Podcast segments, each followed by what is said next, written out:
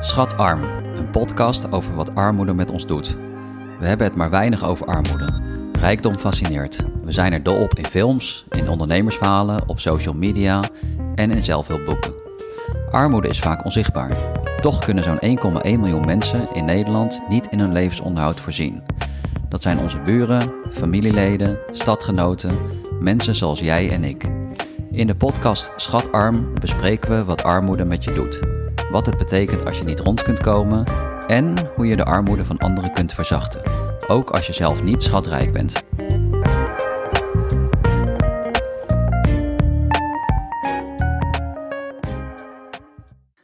In deze aflevering spreek ik Stella de Zwart over tegenslagen en wat armoede met je doet. Stella is spreker en adviseur op het gebied van armoede, schulden en ernstige geldnood. En auteur van het boek Armoede krijg je gratis. Welkom Stella. Dankjewel dat ik uitgenodigd ben. Hartstikke Ja, leuk. Fijn dat wij eh, deze week mogen aftrappen. Ja, hartstikke leuk. En hoe gaat het met je? Goed, goed. Je merkt wel dat het, eh, het is vandaag 14 december, dus nog een paar dagen en dan sluiten we dit jaar af. Dus ik kijk er naar uit om thuis op de bank te zitten, boeken te lezen, tijdschriften te lezen en even niets te moeten doen. Ja, lekker hè? zo aan het eind van het jaar. Ja, eigenlijk wel. Heerlijk. Ja. Nou, ter kennismaking beginnen we altijd met een paar persoonlijke vragen. Eh, waar geloof jij in in het leven? Ehm, ik moet je heel eerlijk zeggen, ik, ik, ik ben soms wel eens naïef, denk ik. Maar ik geloof in de goedheid van de mens. Daar geloof ik heel erg in. Eh, Wat kan jou het meeste kwetsen? Ik ben gescheiden, dus ik voel me gekwetst. Maar ik denk als je gaat scheiden, dat dan twee mensen daar toch wel een aandeel aan hebben. En ik voel me gekwetst doordat ik een, een koophuis had met mijn ex-partner. En dat hij eh, slimmer was eh, om het af te handelen dan dat ik dat heb kunnen doen. Dus daarin voel ik me ook gekwetst. Dat ik daardoor drie jaar in de WSMP heb gezeten. En wat is het moeilijkste wat jij hebt bereikt? Door sterk te blijven.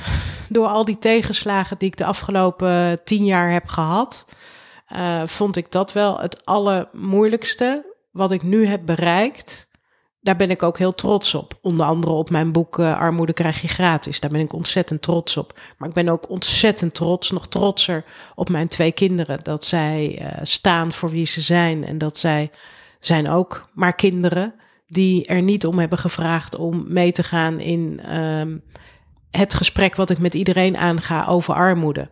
Ik had ook in de modebranche kunnen blijven en daarover gaan praten. Dus het is een mix van alles. En daar, ja, dat, dat moeilijkste heb ik wel bereikt door te staan voor wie ik ben. En wat voor, soort, wat voor tegenslagen heb je gehad in het leven? Ehm, ja, ik heb veel tegenslagen gehad.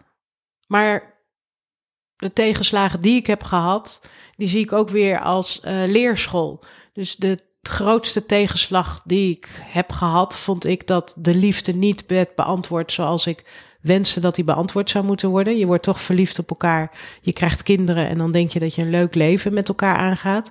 Dat vond ik wel een enorme tegenslag en ook een falen van mezelf.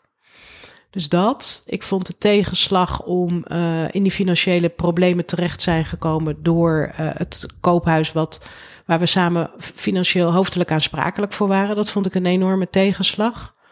Ik vond het een tegenslag mijn ziekte die ik op mijn pad heb gekregen, dat ik baarmoederhalskanker kreeg. En de tegenslag vond ik ook met eh, de gemeente Amsterdam. Dat ik daar eh, echt in een doolhof terecht ben gekomen. Dat vond ik ook een enorme tegenslag. En dat is allemaal in de laatste tien jaar gebeurd. Ja, ja, dan lijkt het net wel alsof je van de ene tegenslag in de andere terechtkomt. En zo geloof ik ook als je eenmaal weer op het pad bent gekomen van geluk. En wat is geluk, maar weer voorspoed hebt. Dat dat dan ook weer ten goede komt. Dus ik denk in het leven moeten we wel iets leren van de tegenslag. Om daardoor weer het geluk te voelen. Ja, mooi. En eh, ja, zo te horen heb jij je portie wel gehad. Eh, Maar knap dat je er zo eh, goed uit bent gekomen. Ja, ik ben nu 57, dus dan, dan mag het ook wel dat je weer... Ja, Volgens mij hoort dit bij het leven, dat denk ik. En de ene heeft gewoon wat meer geluk dan de ander. Dat denk ik wel. De ene is een zondagskind en de andere is gewoon geen zondagskind. En wat betekent armoede voor jou? Nou, armoede voor mij betekent om uh, constant in de overleefstand te staan of je het financieel wel redt. En of je met de financiën om kan gaan um, om, om je rekeningen te kunnen betalen. En armoede is eigenlijk gewoon geen geld hebben om je rekeningen te kunnen betalen. Dat is het eigenlijk, meer niet. Ja, dus je bent continu aan het puzzelen. Ja, en uh, het voordeel van armoede of geen geld hebben, is dat je gewoon weer goed leert met hoofdrekenen. Dus dat is een pluspunt. Maar uh, het constant nadenken van kunnen we vandaag wel een kip eten, ik noem maar even iets. Of uh, zullen we morgen weer vegetarisch eten? Dat zijn allemaal dingen die, waar ik vroeger nooit over nadacht. Ik ging gewoon naar de kaasboer, naar de visboer. Um, ik gooide mijn mand vol als ik door de Albert Heijn of uh, door wat voor winkel dan ook heen liep. Dan dacht ik niet na. Dus armoede is wel uh, niet kunnen doen wat je eigenlijk zelf zou willen doen. Ja, en dan is het altijd lastig om uh, de keuzes te maken op een dag. Ja, ja. En uh, keuze maken is natuurlijk goed. Maar als het gedwongen wordt, dan voelt het ook alsof je in een gevangenis zit. Dus het is ook een beetje dubbel. En ik denk dat het op een gegeven moment een way of life is. Als je gewoon niet veel geld te besteden hebt. En als je dan geld wel weer te besteden hebt, dan ben je extra blij. Dus het is ook, ja, ik denk voor heel veel mensen een bewustwording van wat de waarde is van geld. En gooien met geld over de balk, wat ik vroeger echt wel deed. En uh, nu is het dat ik, als ik geld heb, dan merk ik dat de oude Stella soms ook wel eens weer naar boven kan komen. Ja. Dus het is ook, ja, wat is armoede? Ik denk als je je gaat gedragen dat je heel erg armoedig bent, dan voel je ook echt de armoede in je. Maar als je zorgt dat je altijd je lippenstift, dat doe ik dan, mijn lippenstift op doe en Hè, of je nou een Chanel lippenstift op hebt of van uh, de sminkwinkel. Dan kocht ik de Zwarte Pieter lippenstift voor 3,45 euro. Ja, dan ziet niemand het verschil. Alleen ik hecht waarde aan een Chanel lippenstift. Maar nu merk ik dat die lippenstift van de, uh, hoe heet die winkel? De feestwinkel ook zijn werk doet. Ja, wie is dan de dief van zijn eigen portemonnee? Dat ben ik dan zelf. Ja, ja. Nou, het staat je goed hoor. Dankjewel. Sorry, dit is een rokershoest, maar dit is, ik rook niet. Nooit gedaan. Goed zo, heel gezond. Ja. En zijn er ook wel periodes geweest dat je echt uh, nachten lag te piekeren met zorgen aan je hoofd? Ja, absoluut, absoluut. Ik uh, heb meer naar de buitenwereld poppenkast gespeeld. En dat ik dan s'avonds in mijn bed lag nadat ik dan voor had gelezen aan mijn kinderen. Dan uh, ging ik hun voorlezen. Dan was het lekker warm met z'n drieën in mijn bed. En dan legde ik ze één voor één in hun eigen bed. Dan pakte ik mijn iPhone en dan ging ik niet zitten swipen om een leuke man te zoeken. Maar dan ging ik mijn verhaaltjes delen op Facebook, wat ik dan op de dag mee had gemaakt.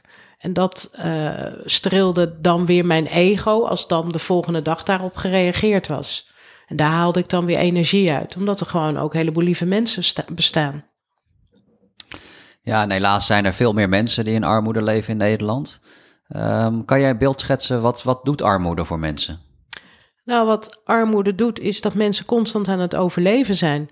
En dat mensen eigenlijk ook in een hokje gezet worden door andere mensen die niet, uh, die niet te maken hebben met armoede. Dus uh, er wordt constant het beeld neergezet van arme mensen maken domme fouten. Terwijl als je op de Zuidas in Amsterdam werkt en je werkt daar keihard, dan gaan mensen ook uh, witte poeder halen om uh, weer extra energie te krijgen om toch nog het werk te kunnen doen. Dus ja, wat is armoede? Dat noem ik weer geestelijke armoede. Hmm. Dus het is ook heel erg zoals de media het schetst. Wat armoede is, gaan ook heel veel mensen zich ook gedragen dat ze echt ook arm-arm zijn. Maar er is armoede in Nederland. Ja, en wat doet dat dan voor de mensen als ze in een hokje worden geplaatst? Nou, dan ga je je waardigheid raak je kwijt. Althans, ik heb gevoeld dat ik mijn waardigheid kwijt ben geraakt, omdat ik toch naar de buitenwereld ging kijken, toch naar het nieuws kijk, toch uh, al die televisieprogramma's die je dan ziet. Je hoort dat er over de mensen gesproken wordt in de plaats van met de mensen. En daarom uh, zet ik me gewoon heel erg in voor dit onderwerp, omdat je bent niet de armoede, het overkomt je. En dat is het verschil. En als je dat verschil ook kan voelen, dan voel je je niet meer arm. Ja. Dan ben je financieel niet bemiddeld, maar dan voel je, ik voel me nu heel rijk. Ik zit hier in een leuke ruimte, we nemen dit op en ik voel me daarmee gevoed.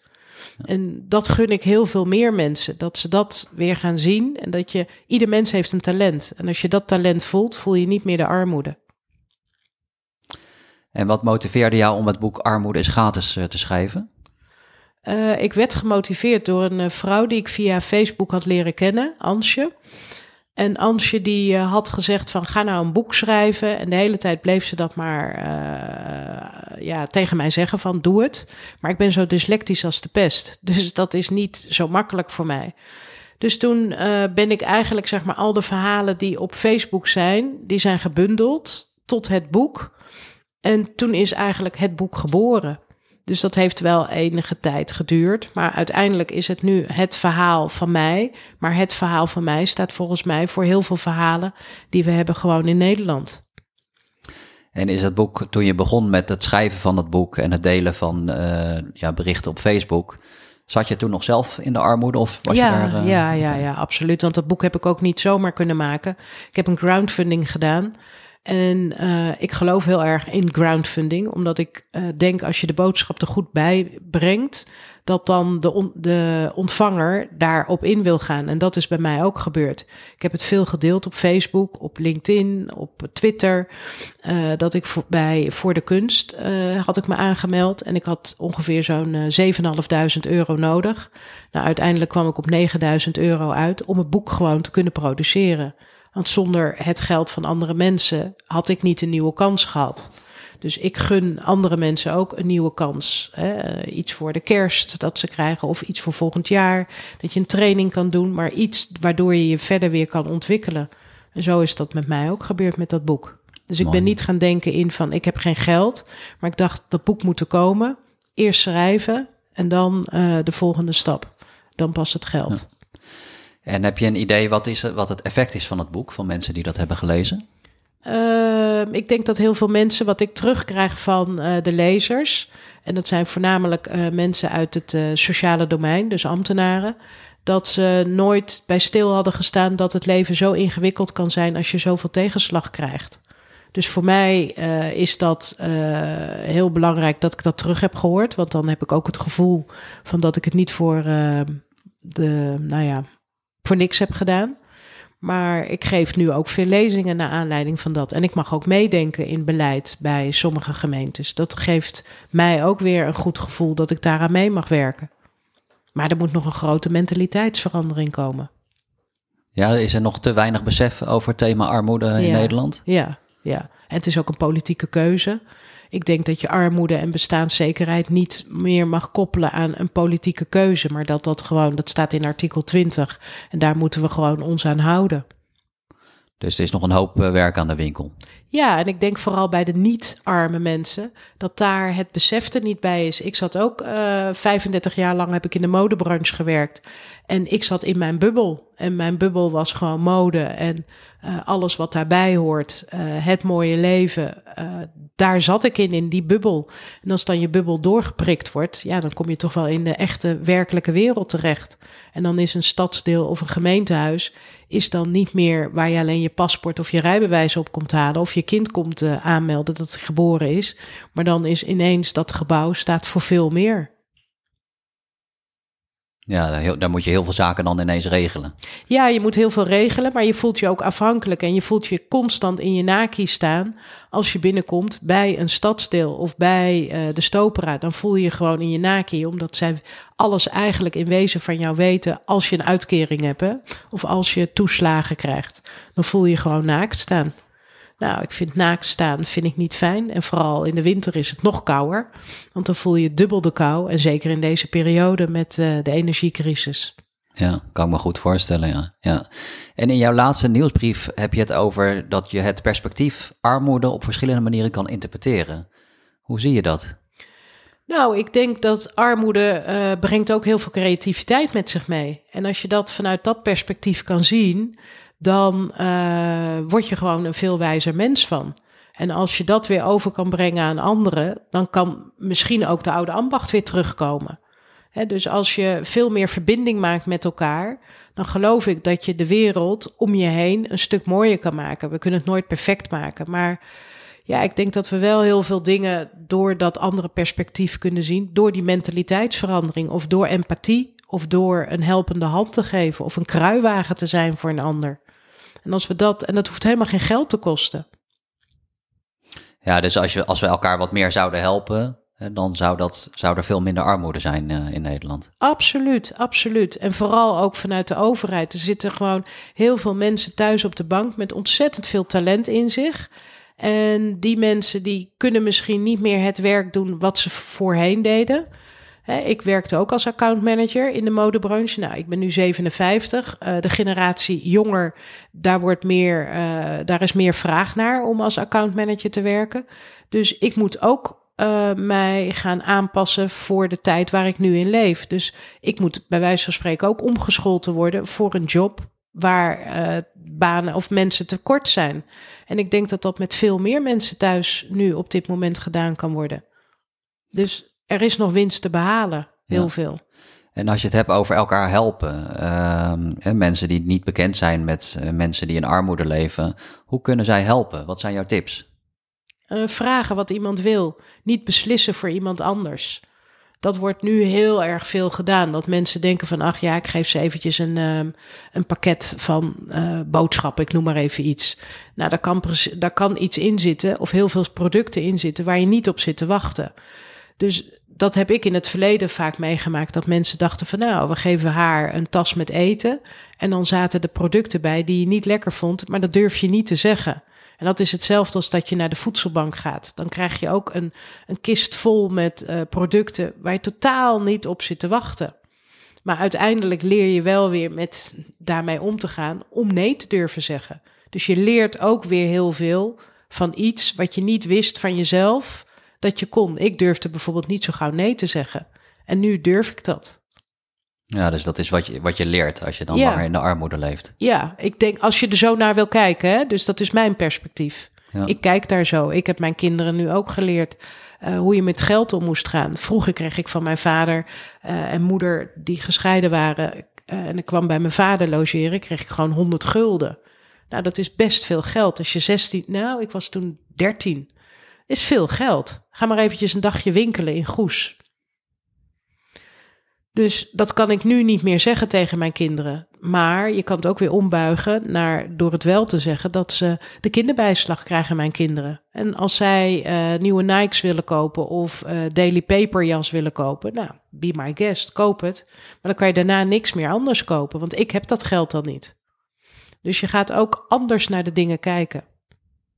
Dus ja. ik geloof ook als je dat gesprek aangaat met mensen in je omgeving dat je dan mensen bewust kan maken. Maar niemand gaat aan jou of aan mij vragen: um, red je het wel? Dat, dat wordt niet zo vaak gedaan. En ik denk dat we dat iets meer mogen doen. Ja, ja, dus dat heb je ook meegemaakt, dat weinig mensen dat aan jou vroegen in die periode. Ja, omdat je, dat deed ik, hè. Er zijn mensen die het anders aanpakken, maar ik bleef mijn ringen omdoen, mijn lippenstift aan, om, uh, opdoen, uh, mijn oude mooie kleren aantrekken. Dus niemand kon het aan de buitenkant zien. En in het begin vond ik het ook niet nodig om het te vertellen, omdat ik dacht, ik zit er niet in. Maar op een gegeven moment, ja, dan moet die puist uitgeknepen worden. En toen ben ik zelf ook dingen gaan vertellen. Hm. En doordat ik weer dingen ben gaan vertellen, heb ik te horen gekregen dat andere mensen daardoor ook weer hun verhaal zijn durven gaan delen. Ja. Dus ik denk als je je een beetje kwetsbaar opstelt, hè, dat hoeft niet over armoede te zijn, maar het kan ook over een ander iets, dan uh, kom je wel nader tot elkaar. En waarom wilde je dat dan eerst verborgen houden? Nou, omdat ik uh, natuurlijk mijn trots koppelde aan de buitenkant, aan uh, materie en aan die auto en aan uh, dat grote geld, die flessen wijn die op tafel stond. En als je dat niet meer hebt, dan denk je, ga je wel nadenken, wie ben je nou eigenlijk wel? En ik koppelde altijd, ik ben Stella de Zwart, accountmanager van merk X, Y of Z. En dat valt mij nu ook op als ik in meetings ben. Dan stelt iedereen zich voor met de job die die is, maar nooit plain alleen zijn naam. Dus voor mij was het ook afkicken dat ik niet meer die status had wat ik eerst had. Dat is best wel apart. Ja, dus je bent dan ook ineens, uh, moet je op zoek naar je eigen identiteit, omdat je het niet meer kan ontlenen aan spullen die je hebt of een baan ja, uh, waar je aan kan ja, refereren. Ja, en de wijk waar je in woont en uh, nou, noem alles maar op. Dat is toch een afspiegeling, vaak voor jezelf. Als ik vertel dat ik vroeger in Bussum heb gewoond, op de Singel of op de Groothertoginderlaan, dan is het tuut, weet je, omdat dat een chique mooie wijk was. Maar als ik nu vertel dat ik in de Transvaal woon, dan is het, oh, ja, Transvaal. Dus dat, dat straalt iets van je af. Maar als ik vertel dat we heel lang in de Bosboom Toussaintstraat hebben gewoond, de mooiste straat van Amsterdam-West, ja, dan is het, oh, wat mooi en waar en welk huis. En, en dan sta je ook rechterop, dan vertel je je verhaal ook heel anders. Dus het heeft alle, ja, we leven toch wel in een buitenkant maatschappij. Ja. En welke identiteit heb je ontdekt van jezelf in die periode? Dat ik gewoon Stella moet zijn. En wie is Stella dan? Gewoon die je tegenover je hebt. Nou, ik denk, ik denk niet dat ik echt heel veel anders. Nou, ik ben wel anders geworden. Ik ben menselijker geworden, minder oppervlakkig geworden. Ehm, meer geïnteresseerd in, in het leven, in de natuur, in, in, in alles wat er is dan alleen maar mode. Ja, dus je bent verder om je heen gaan kijken. Ja, ja, ja. ja. Nou, dat is mooi, want dat verbreedt wel je blik op de wereld. Ja, absoluut, absoluut. Zouden meer mensen moeten doen, toch? In wezen wel, ja. Ik was nog nooit hier in de meevaart geweest. Ik had er wel eens over gehoord, maar ik dacht dat is voor zielige mensen. Zo heb ik dat ingevuld. Terwijl er gewoon ontzettend veel leuke dingen hier gebeuren in de meevaart. Dus ja, het is maar net welk perspectief heb je weer naar een buurthuis of een buurtwijk of noem alles maar op. En ik denk dat er, als mensen zouden weten wat er gebeurt in de meevaart of in de buurt van de wijk of wat, wat dan ook in de Amsterdam, dat mensen veel meer verbinding zouden kunnen maken en veel meer zouden kunnen opzoeken, um, waardoor je verrijkt wordt. Ja, ik hoor echt in jouw verhaal dat je uh, eigenlijk mensen oproept om meer met elkaar te verbinden, meer te vragen hoe het met anderen gaat ja, uh, ja. en meer elkaar te helpen. Ja, absoluut, absoluut. Armoede in Nederland staat al twintig jaar min of meer op hetzelfde niveau. Wat vind je ervan? Ja, wat ik ervan vind, doet er eigenlijk niet toe. Maar aan de andere kant vind ik er heel veel van. Ik vind het gewoon belachelijk. En ik vind het nog veel erger dat er nu een minister is van armoede. Je kan beter een minister van geluk uh, omdopen dan van armoede, want dan ligt het er nog veel meer op. Armoede is gewoon niet sexy. En het is gewoon een politieke keuze. En de keuzes worden gemaakt omdat mensen niet bewust zijn van politiek. En dat moet ik ook weer mijn eigen hand in eigen boezem steken. Ik was daar ook niet bewust van. Ik was ook gewoon uh, iemand die op een bepaalde partij uh, stemde. Uh, wat ik dacht dat goed was voor mij, maar was dat goed voor andere mensen?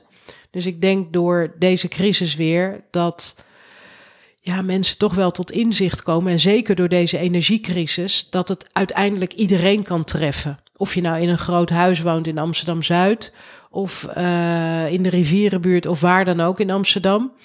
Uh, iedereen moet inleveren op uh, de energie die er nu is. En hoeveel energie hebben mensen dan nog daarnaast voor zichzelf of voor een ander?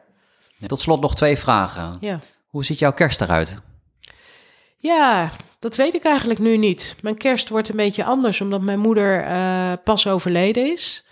En um, ja, het leven gaat gewoon wel door, ondanks dat ze er niet is. We wisten dat ze zou overlijden omdat ze Alzheimer heeft. Dus um, wij zijn eerlijk gezegd ook niet echt een hele erge familie dat mijn broer en zus en ik nu ineens, omdat mijn moeder er niet is, uh, bij elkaar gaan zitten. Dus ja, ik ben gevraagd voor een radioprogramma van één vandaag om daar uh, te komen spreken. Dus ik denk dat ik dat wel doe en dat ik dan mijn kinderen meeneem en dat we dan iets leuks ervan maken daarna. Dus we laten het een beetje op ons afkomen. Wat ik wel heb gedaan met kerst, is dat ik voor het eerst sinds tien jaar op uh, 1 december, nee 30 november, al een kerstboom heb gekocht. En dat heb ik kunnen kopen omdat ik voor het eerst sinds tien jaar mijn verjaardag weer heb gevierd en geld heb gekregen. En dacht, ik moet een boom hebben. Dus die staat nu al uh, zo'n 15, ja, 15 dagen in mijn huis. Ja, dus je hebt lekker wel het kerstgevoel in huis. Ja, absoluut, absoluut. Nou, mooi. En heb je nog mooie plannen voor 2023? Ja, absoluut. Ik heb zeker mooie plannen. Ik wil uh, heel veel podcasten gaan maken, omdat ik een betere prater ben dan een schrijver. En ik wil doorgaan met dit, uh, nou ja, schatarm. Ik vind deze titel ontzettend mooi. Die moet je gelijk vastleggen. Uh, want ik denk dat we met z'n allen echt heel erg, nou ja, niet schatarm zijn. Maar eigenlijk zijn we wel weer schatarm. Dus we zijn schatje rijk aan uh, ja, positieve um, talenten die we in ons hebben zitten. Dus ik wil mijn talenten echt inzetten om armoede echt onder de aandacht te blijven brengen. Of het nou op televisie is, in de kranten is, waar dan ook. Maar ik hoop dat veel meer mensen verbinding gaan maken daardoor, door dit onderwerp. Om toch in te zien dat je talent hebt, in de plaats van dat je gewoon schatarm bent. Nou, mooie plannen en hartelijk dank voor jouw deelname aan deze podcast. En we hopen in 2023 nog veel van jou te horen. Dankjewel, dankjewel Tim voor deze uitnodiging. Bedankt voor het luisteren. Wil je meer weten over armoede en wat het met mensen doet? Abonneer je dan op deze podcast en de socials van Club10.nu.